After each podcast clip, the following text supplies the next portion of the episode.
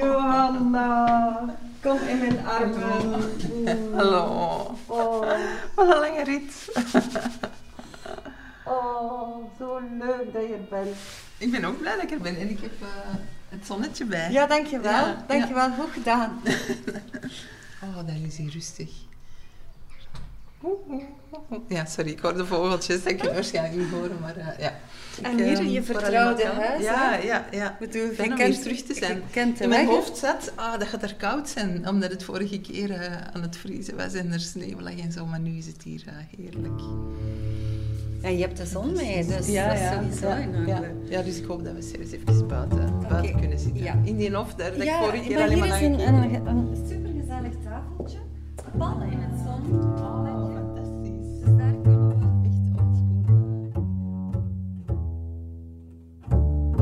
Er zijn dorpen en er is Watu. In de zomer verwelkomt Watu je kwispelend. In de winter rolt het zich ongenaakbaar op als een hond in de mand van de Westhoek. Telkens als ik na een lange rit Watu binnenrijd en de eindeloze velden, de trotse hopranken en de spitse kerktoren zie, vertraagt mijn hartslag als vanzelf. Ik logeer in het huis van de dichter, een plek waar de muren veel te vertellen hebben. In deze kamers en in deze tuin hebben dichter Gwijn Mandelink en zijn vrouw Agnes Hondekijn het Kunst- en Poëziefestival bedacht en hebben vele roemrijke dichters duizenden sigaretten gerookt, de wereld bijeengelogen, harten veroverd en gebroken. Ik ben Jelle van Riet, ambassadeur van het Huis van de Dichter en literair journalist voor de Standaard. Ik wil jullie graag aansteken met mijn liefde voor poëzie en heb daarom een favoriete dichter uitgenodigd, met wie ik een dag, een nacht en een ochtend in het huis en in het dorp doorbreng. We praten over poëzie, omdat praten over poëzie hetzelfde is als praten over het leven. Mijn gast vandaag en morgen is Johanna Pas. Dichter, vertaler, podiumdier, activist en vredesduif. Ze was jarenlang het hoofd en het hart van de queerboekhandel Kartonnen Dozen in Antwerpen.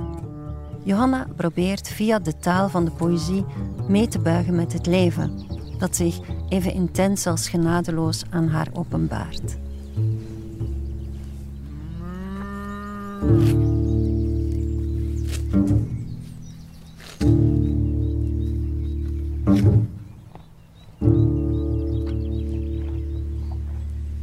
Vorige winter waren Johanna en ik al eens een weekje samen in het huis van de dichter. Johanna zocht en vond toen woorden voor het beenharde besef dat haar maar weinig tijd meer gegund is. Nu is ze er weer, de zon schijnt, ze leeft. We trekken meteen de velden in. Oké, die koeien zitten echt zo te kijken. Ik denk, wat passeert er nu weer aan? Een dichter, denken ze. Dichter denken ze. Ik ben soms toch wel jaloers op zo die, die echteloosheid. Maar ja, ik ben niet jaloers dat ze de, de pan in worden gehakt natuurlijk. Dat, eh, dat vind ik dan weer jammer. Het eten herkomen daarentegen. ja, ja, gewoon in een wei staan en gras knauwen en dan nog eens en nog eens en nog eens. Dat zijn eigenlijk ook dichters, Jelle. De koeien. Ah ja, door alles Hè, te zo, alles te herkauwen en herkauwen en herkauwen. Zijn de ook dichters. Dit lichaam. We willen niet weten hoe kwetsbaar het is, dit lichaam van ons. Hoe het zomaar kan breken in een vliegtuig, een auto of op een terras. Door de aarde die beeft, door een dronken bestuurder, door de haat die we voeden. We willen niet weten hoe kwetsbaar het is. Maar de ochtend is leeg. Tot het breken van nieuws, tot het eerste signaal. En we willen het weten, het tweeten, reposten, herlezen, bezweren en nog een keer delen en nog. Ooit was er op zondag geen nieuws. En als troost van de kansel een preek over tandengeknars en talenten vergooien en geweeklaag en vuur. Maar de ochtend is nieuw. En we tweeten, reposten, we herlezen en delen met de hel in ons hart.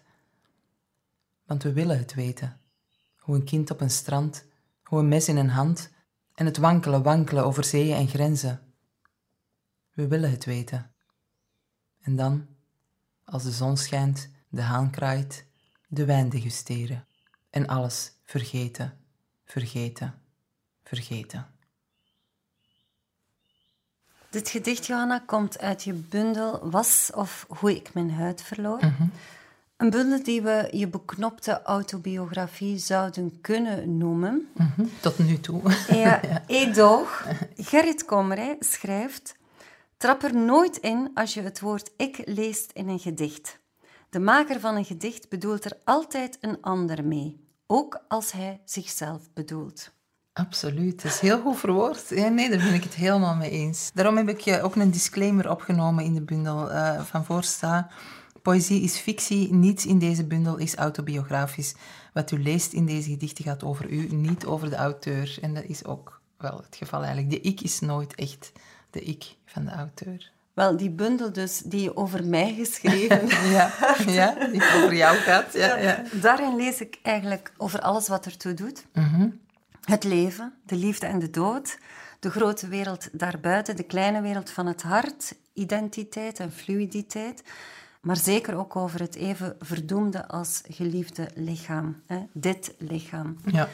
We willen niet weten hoe kwetsbaar het is, dit lichaam van ons. Vullen we daarom onze dagen met nieuws, met tweeten, reposten, herlezen, om niet aan onze kwetsbaarheid te moeten denken? Ik denk het deels wel. Het is een soort van permanent bezig zijn of, of, of een permanente gedachte onder controle te houden of zo. Ik weet, ik weet niet wat het precies is. Daar gaat het gedicht voor mij ook wel over. We willen, we willen het allemaal wel weten, maar we willen het ook eigenlijk even snel weer terug vergeten. Dus waarom, waarom doen we dat dan eigenlijk? Waarom doen we dat dan? Ja. Is poëzie lezen een betere optie dan?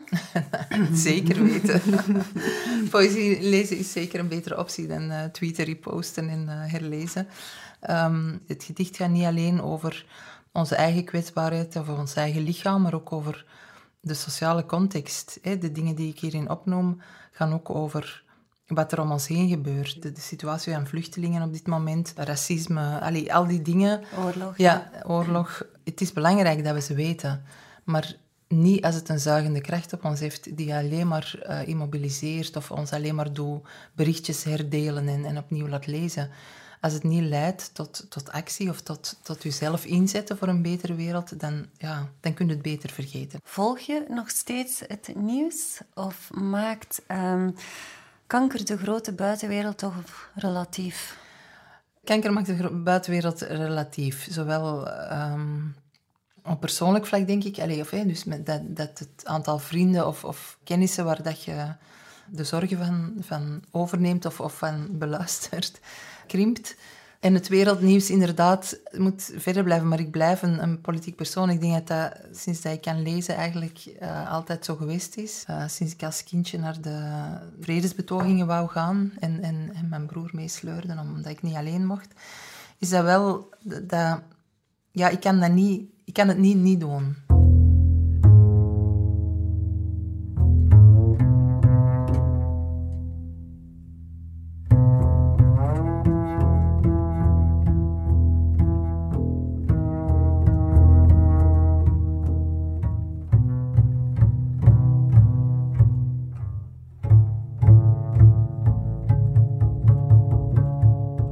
Johanna's gedicht Dit lichaam treft mij recht in het hart. Ik weet natuurlijk hoe kwetsbaar haar lichaam is en voel in dat gedicht een enorm verlangen naar rust. Maar wat zou de alomgerespecteerde poëziekenner Ellen Dekwits, auteur van Eerste Hulp bij Poëzie, hiervan vinden? Laat ik haar bellen. Kijk, je leest een gedicht natuurlijk zoals je zelf bent. De dingen waar je zelf mee rondloopt, waar je jezelf over verwondert, die in je geest heel erg aanstaan. Als ik kijk naar wat een van mijn obsessies is, of totale interesses, is hoe de mens de afgelopen 100 à 150 jaar heeft gedacht dat hij door medische technologie, door te investeren in de wetenschap, zijn eigen lichamelijkheid de baas kon worden. Dat we eigenlijk onkwetsbaar zijn. En in dit gedicht van Johanna Pas, het eerste aantal regels, gaat erover dat we niet willen weten hoe kwetsbaar het lichaam is. Dat het inderdaad opeens beschadigd kan worden. Uh, is het niet door een auto, dan wel door iets anders, door een aardbeving.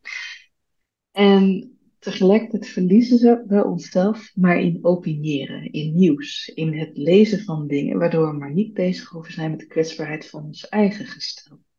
Het gedicht lijkt mee te gaan ook op een nieuwsverslaving, die niet zozeer gaat om een verlangen naar geïnformeerd te worden over de huidige stand van de wereld, maar eerder om afgeleid te worden van het feit dat je een kwetsbaar lijf hebt.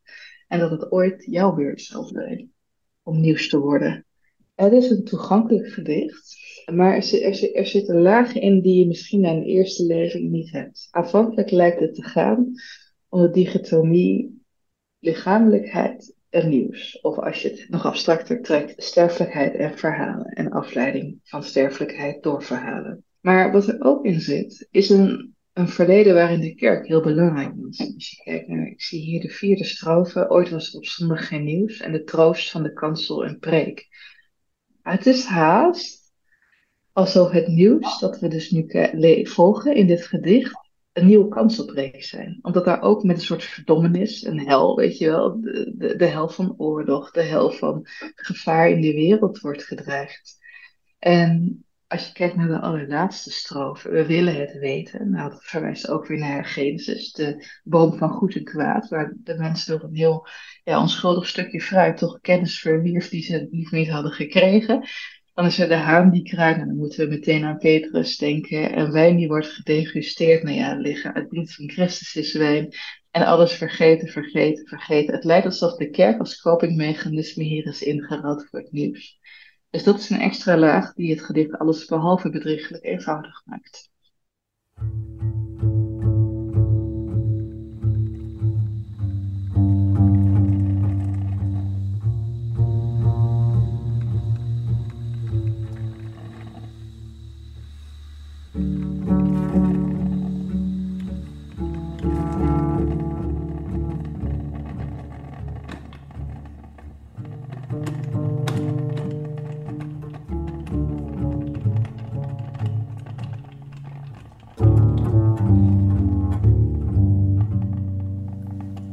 Kopje koffie, Johanna? Graag. Dan geen melk of suiker, hè? Nee, dat is genoeg, dankjewel. Genoeg? Ja. Je lichaam zorgt helaas voor meer dan tandenknars op dit moment. Eerder geweeklaag. Geweeklaag en, tanden, en tandenknars, ja. Het gedicht Het lichaam staat ook in de afdeling getiteld Gehavend leven. Mhm. De subtitel daarvan luidt Toch beter gehavend dan helemaal niet. Blijft er naast dit lichaam genoeg ruimte om te leven? Mm, ja. ja, en ik blijf ook wel in mijn lichaam, denk ik. Ook al, ook al is het gehavend of wordt het nu heel, nogal op de proef gesteld, maar ik, ik, ik ben ook wel nog altijd aanwezig in mijn lichaam. Met de voordelen die een lichaam heeft, namelijk dat je de, de dingen kunt voelen of, of kunt ervaren. Dat mijn zintuigen nog werken, daar ben ik wel blij om. ik, ik, heb zes jaar geleden ook kanker gehad en daar was de, de genezingskans heel groot. En dat heeft een ander effect. Je wordt wel heel acuut geconfronteerd met, met je eindigheid. Maar er is een heel grote kans dat je dat terug ongedaan kunt maken of zo. Hè? Dat er nog iets komt. En dat je een soort van gevecht voert dat, dat ergens toe leidt. En nu is er geen gevecht. Ik, het is, ik moet accepteren dat, het, um, dat die eindigheid komt. Alleen, ja, ik kan ze zo lang mogelijk uitstellen door behandelingen die, die nogal ingrijpend zijn. En ik, dat maakt dat ik tegelijk ja, mijn lichaam soms vervloek of zo, maar ook heel blij ben dat ik nog in mijn lichaam ben. Je schrijft in een, in een gedicht, ik ben nog nooit gestorven, ik weet niet hoe dat moet. Is in, in dat proces van leren te sterven, zullen we maar zeggen, poëzie een manier om dat intens te beleven, zelfs dat? Het lezen van poëzie niet, denk ik. Want dat, daar, daar wil ik nu niet, niet lezen. Poëzie die daarover gaat, merk ik. Of ook niet over rouw of zo. Of, of... Maar het schrijven van poëzie wel. Om woorden te vinden voor hoe dat is. En dat geeft betekenis aan wat mij overkomt. Voor mij is, denk ik, het, het betekenisloze van dingen het, het ergste wat er kan gebeuren. Dus als het, als het iets betekent of ik kan het in ieder geval verwoorden of er iets van maken, dan wordt het minder erg. En dus werkt het dan als troost? En dus werkt het ja, deels als troost of als, als reddingsboot, zou ik meer zeggen. Ah, ja. Ik zie poëzie wel als een soort rituele herhaling, omdat je uiteindelijk altijd hetzelfde verhaal vertelt. Hè. Het gaat altijd over dezelfde dingen. Alle teksten die vroeger zijn geschreven zijn nog altijd relevant als het over de essentie gaat, over de dood, over de liefde, over verlies en rouw. En ik denk dat dat voor mij de essentie is. Het maken van poëzie is een bezwering. Het is een soort altijd maar terug opnieuw dat verhaal vertellen en herhalen, nieuwe woorden zoeken om datzelfde verhaal te vertellen. Ook omdat de tijden veranderen, maar eigenlijk niet, want als het gaat over die basisgevoelens, dan blijft dat hetzelfde. Als je je afvraagt, wat doen al die, die zusters in een klooster of, of die, die, die paters in een klooster, wat zijn die aan het doen? Is dat, is dat belangrijk? Is dat essentieel? Misschien niet, maar in zekere zin wel. Dat maakt ons menselijk bestaan uit. Een soort ritueel herhalen van dingen om ons bestaan te, te verantwoorden of te begrijpen of, of te kunnen vatten. Misschien ben je daarom ook zo productief sinds je diagnose. Ja, ik heb nu, het is wel een drive die ik nog nooit eerder op die manier heb gevoeld, dat klopt. Ik, ik wil nu ontzettend veel maken. Het zijn wel veel dingen die al lagen te, te rusten of te gisten, want ik heb niet, niet veel energie of niet veel creativiteit, maar ik werk heel veel af nu, omdat ik zo'n ongelooflijke drive voel om het, om het te maken. Ja, klopt, het is een soort bezwering. Ik besta nog, ik besta nog.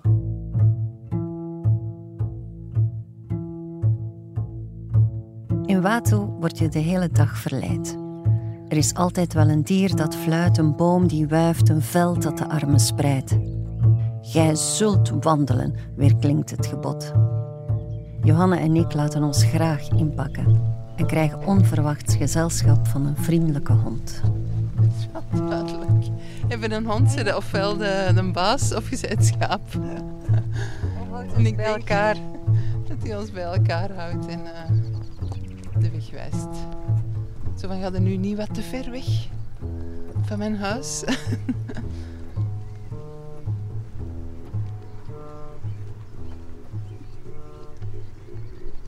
Er zijn hier heel veel achtergrondgeluiden, maar het interessante vind ik als je zo buiten loopt of door een veld, uw, uw oren filteren gewoon alles uit, behalve die mooie geluiden. Zo de vogeltjes en, en het ruisen van, de, van het gras en de wind. En, maar ja, eigenlijk ja, zijn er ook al die andere industriële geluiden anders, dus ik vind dat wel maf. En je ervaart dat toch als rust of zo, doordat je die rustige geluiden hoort. Het geluid van de tractor vind ik ook niet enerverend. Nee, dat is misschien anders dan een, dan een autostrade of zo. Ja. eh, Ja, of een tram. Ik vind stadsgeluiden ook leuk, maar het is, het is inderdaad wat je zegt, er komt precies in je hoofd iets tot stilstand of zo als je hier bent. Even eh, niet meer die, die constante alertheid dat je in de stad hebt.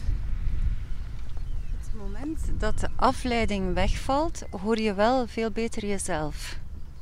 Dat is waar. Ja, Daar moet je tegen kunnen. Hè? ja daar moet je tekenen, maar dat heb je ook nodig hè, als je. Als je ehm, we worden vergezeld door de hond. Ehm, ja, dat heb, dat je ook nodig als je wilt kunnen schrijven, denk ik. Je moet tegen die stemmen kunnen die opkomen als het helemaal stil is. Ehm, want als je dat niet kunt verdragen, ja, dan kun je eigenlijk niet schrijven. Want dat heb je nodig om, om je eigen stem te horen. Of, of ja, in ieder geval een, een stem die je inspireert of zo. De muze. De muze komt pas als het stil is.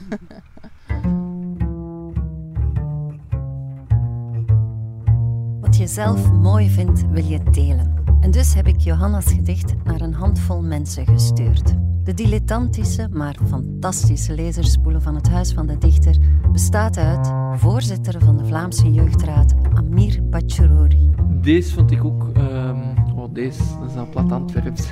zangeres Lara Chedraoui, Eh, wacht, waar zit het? acteur Tijme Govaerts, En ehm, hoe zeg je dat? chef van de Standaard Weekblad Griet Plets Nee, ik ga dat anders formuleren. en emeritus voorzitter van de Europese gemeenschap Herman van Rompuy. Oké, ik begin. Allen mogen zij vrijuit vertellen wat ze van het gedicht vinden.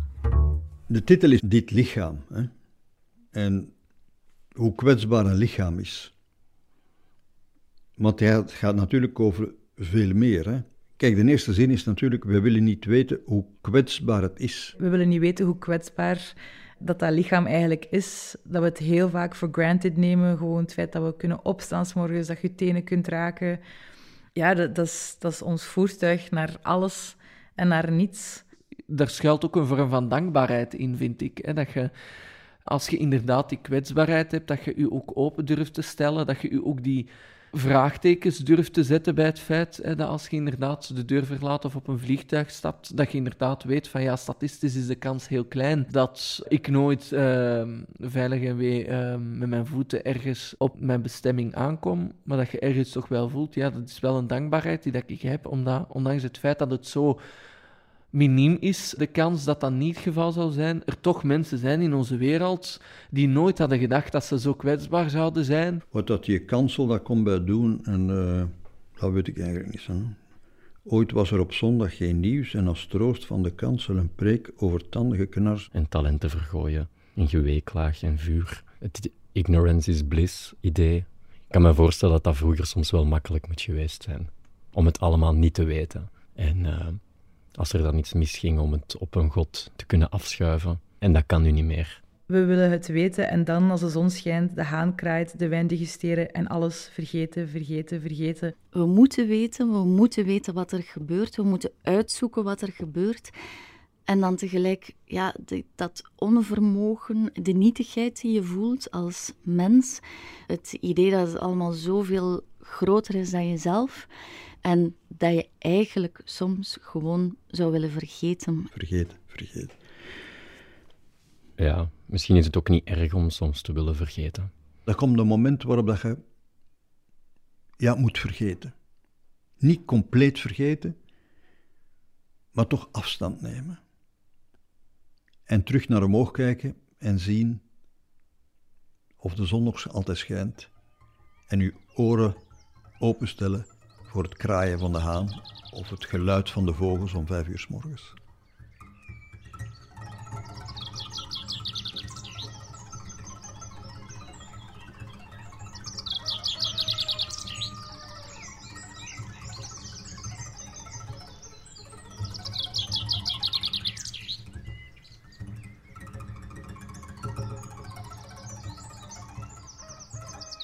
Esther Naomi Perquin, mhm. die somt in haar gedicht verzamelde definities van poëzie, zo op wat poëzie allemaal kan zijn. Veel, heel veel, zo blijkt. Een navel, een wereldse navel, een hond, een wolf, een restant, een aan de boom geknoopt geraamte, een dwarsdoorsnede van de regenboog, een god, een vergissing, een kat. Wat kan poëzie volgens jou zijn?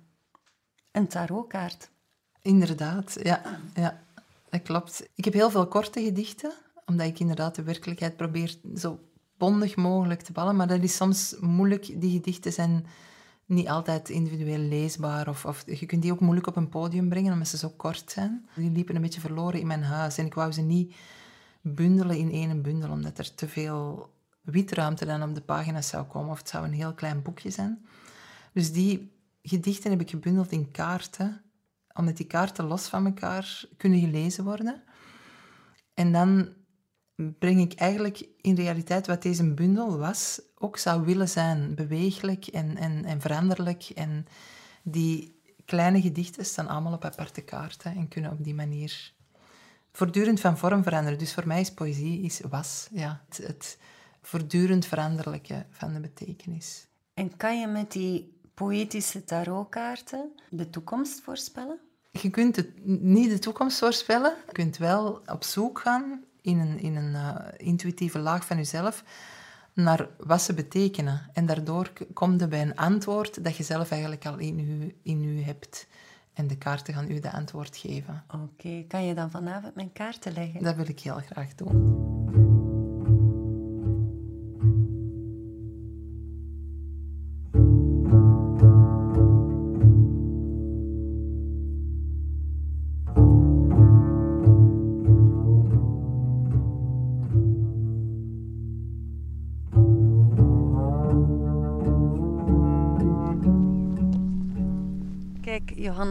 Dit wilde ik je laten zien.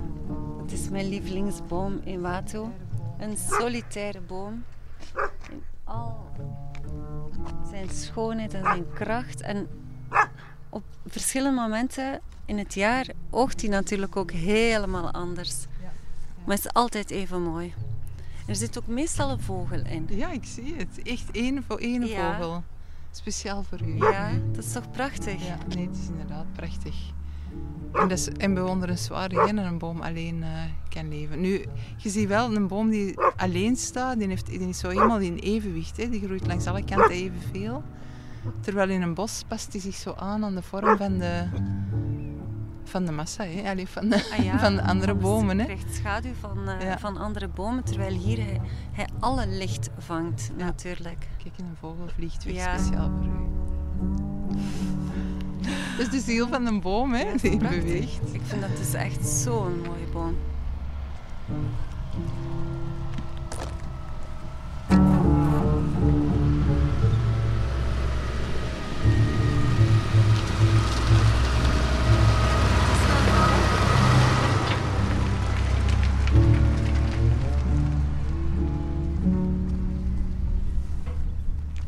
Johanna, de natuur brengt mij natuurlijk ook bij een van je all-time favorite dichters, Emily Dickinson. Het is grappig inderdaad dat je dat zegt. Dat is inderdaad, zij heeft een soort natuurreligie of zo die ze, die ze in haar poëzie brengt.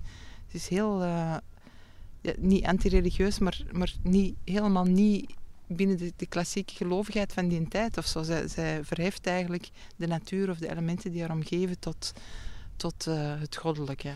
Maar ook qua vorm heeft zij zich helemaal eh, onderscheiden van, van andere dichters van haar tijd. Ja, zij brak eigenlijk echt met de poëtische traditie. Was, was de eerste om beelden uit de natuur te gebruiken om haar ge- geesteswereld en gevoelswereld te beschrijven. Hè? Ja, ik herken mij daar wel in. Eén in die, in die manier van, van eh, heel compact schrijven ook. En, en heel veel aan de verbeelding van de lezer overlaten. En toch is het vrij tijdloos. Hè, want ze heeft blijkbaar toch wel de essentie kunnen weergeven die wij ook nog snappen of zo. Dat is niet evident. Maar ik herken mij daar in, in de, de natuurelementen of, of het, het eh, animistische eigenlijk van haar poëzie. Ze verwijst ook wel vaak naar God en, en zo. Maar je voelt dat God iets anders is dan de kerkelijke God of de religieuze God. Zal ik een gedicht voorlezen van haar? Want dat, dat daarover gaat. Ja. Fantastisch, ja. En dat ik ook heel herkenbaar vind, omdat ik... Ja, ik heb zo één gedicht geschreven over mijn eigen uit het geloof vallen of zo. Tot mijn plechtige communie gingen mijn ouders en mijn broers en zussen mee naar de kerk. En daarna was het precies, ja, de taak was volbracht. Ik was ook tot de kerk toegetreden. En toen gingen zij niet meer naar de kerk en eh, ik ging dan alleen nog. Maar dat gedicht gaat over het feit dat ik dan op de zondag naar daar wandel. Het is morgens vroeg, er is niemand in de straten en ik loop heel de lange straat uit naar de parochiekerk. En onderweg hoor ik de vogeltjes zingen en ik, en ik zie de bomen in bloei en zo. En ik denk, weet je, ik ga naar het park. Mijn religie is daar, dat is mijn kerk eigenlijk. En niet die stenen kerk waar de hypocriete mensen uit de vrede verkondigen en de oorlog zaaien. Zoiets. niet allemaal, niet allemaal. En dit gedicht is ongeveer daarover. Zal ik het in het Nederlands lezen of in het Engels? Want, eh, misschien liever in het Nederlands. Ik vind het heel goede vertaling. De Nederlandse vertaling is van Ivo van Strijtem. De zondagsdienst wordt veel bezocht. Ik vier hem thuis, zowaar. Mijn koorknaap is een zangvogel, een boomgaard, kathedraal. De meesten gaan in koorhemd staan. Mijn vleugels vind ik ruim genoeg. Ons kostertje hier luidt geen klok, het zingt van s morgens vroeg. God preekt, een waardig predikant, en wat hij zegt is nooit te veel. De hemel krijg ik niet op het eind, ik kom er keer op keer. Ook dat hè, is eigenlijk heel heidens. Hè. Dus het feit dat er niet een hemel is, maar dat de hemel hier op aarde is en dat, het eigenlijk, dat we daarvan moeten genieten en niet moeten bieden of, of leven naar, een, naar, een, naar het einde toe, maar hier moeten zijn. Dat is, ja, Heidens. heidens. Ja. Your middle, your name. name, ja. Nu, Emily Dickinson heeft het grootste deel van haar leven binnen de muren van het familiehuis doorgebracht. Klopt, een ja. soort van huis van de dichter, eigenlijk, kunnen we Ja, zeggen. waar, ja. Nu blijkt uit haar correspondentie dat ze dat deed om dichter bij haar kern te komen. Valt in de kern de mooiste poëzie te ontginnen? Dat hangt een beetje van die kern af, denk ik. Niet iedereen is daarvoor geschikt. Sommige mensen vinden meer poëzie in de, in de buitenwereld. Maar je moet wel toegang hebben tot die kern om goede poëzie te schrijven, denk ik. het zoeken naar de kern zit ook in het accepteren dat dat veranderlijk is of zo. Dat, dat, dat wij nu puberteitse zoekende en dan rond je 25 of zo zouden weten wie dat je bent. En dan is het klaar. Ik weet niet hoe dat, dat precies werkt. Terwijl ja, het boeiendste begint eigenlijk na je 35ste. Als je zo hebt ontdekt wat je allemaal al bent geweest. En welke stukken daarvan dat je nog verder wilt ontwikkelen. Of wat je belangrijk vindt of wat je goed vindt. En, en hoe dat je daar verder mee doorgaat. En soms wordt dat omschreven als van ja, je verliest stukken van jezelf en, en je snijdt bepaalde wegen af en zo naarmate dat je ouder wordt. Ik ervaar dat zo niet. Eerder, je probeert inderdaad in die energieke fase, tot je dertigste, te onderzoeken wat je allemaal kunt zijn. En vanuit die rijkdom die je vergaard hebt, kun je zoeken naar wat jij dan mooi vond en wat je goed vond en dat verder ontwikkelen. Je kunt dan focussen op de, ja, de essentie. Misschien is dat een beter woord of zo. Dan, ja, de essentie. Het wezen. Het wezen, ja.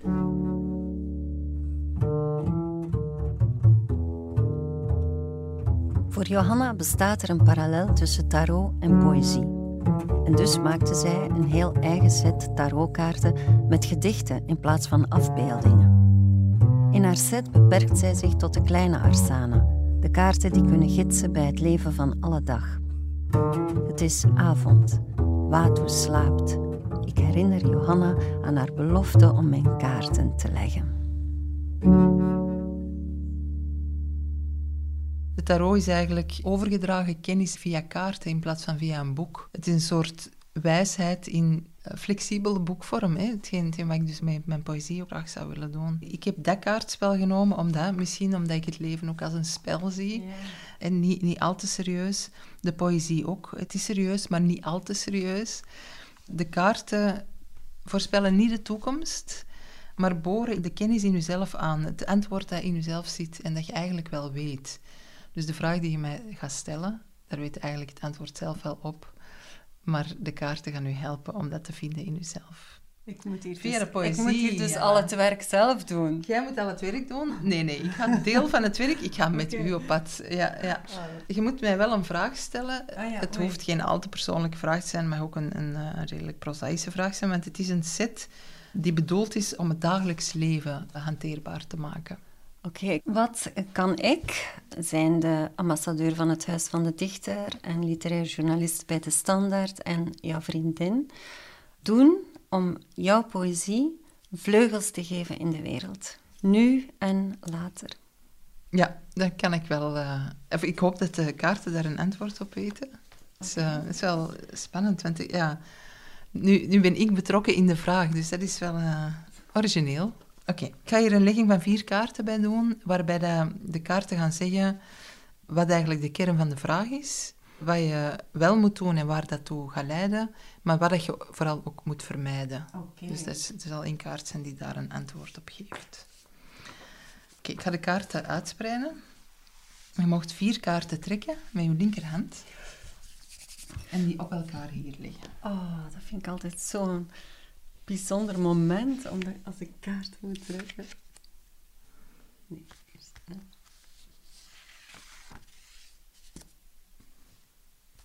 Je mag niet rechter.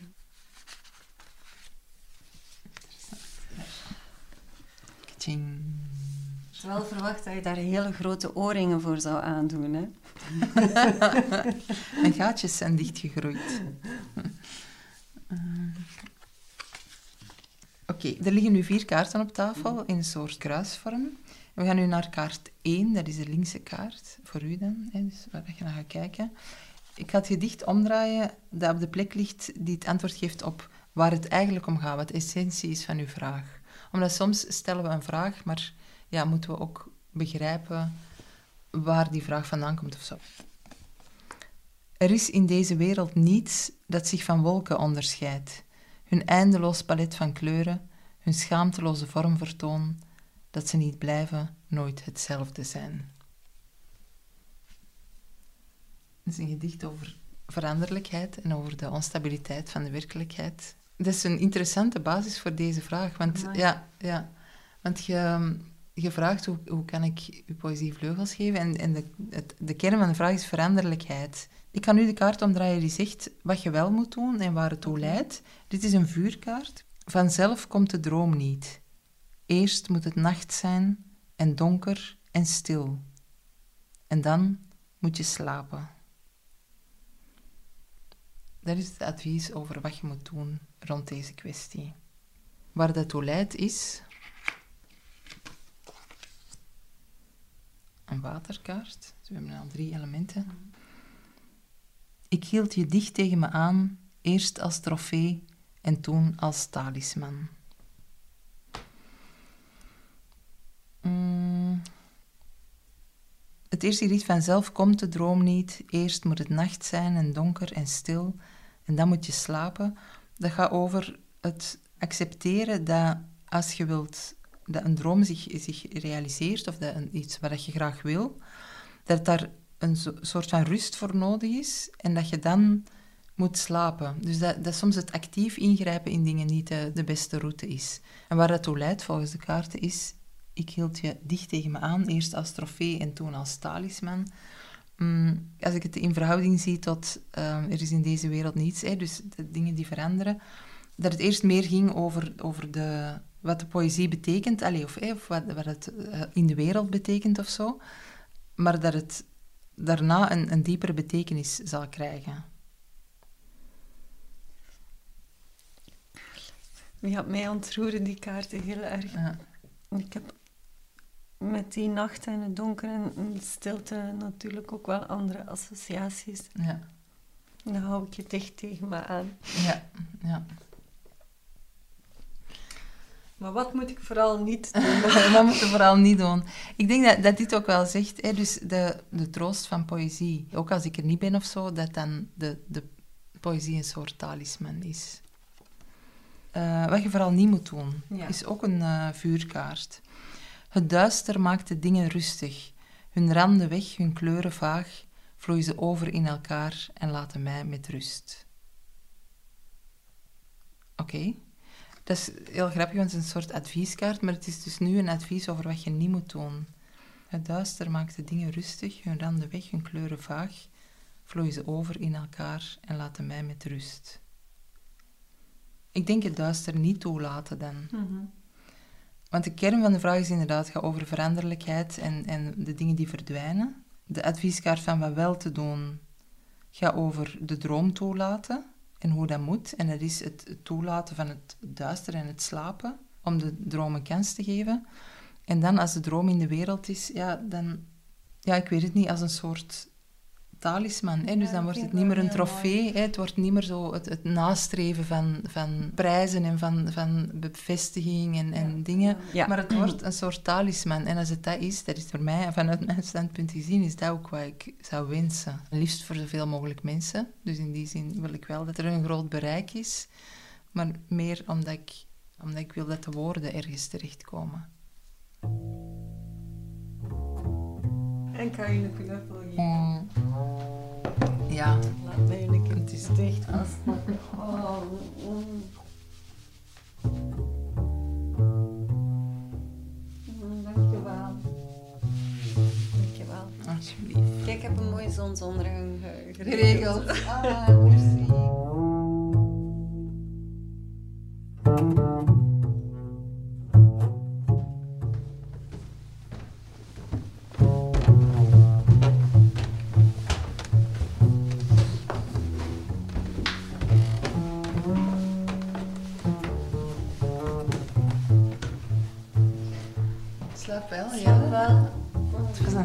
Hele, hele fijne dag. Of interessant.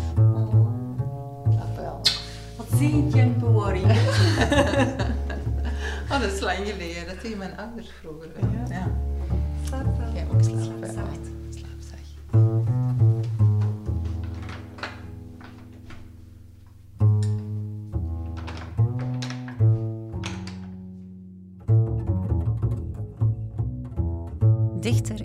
Is op 22 juni overleden.